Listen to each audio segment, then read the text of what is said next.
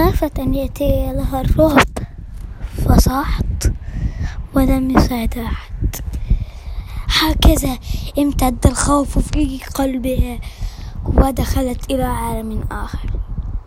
ثم بعد عاشت حياة جميلة إنها فرحة الانتصار على الأسد المجتمعين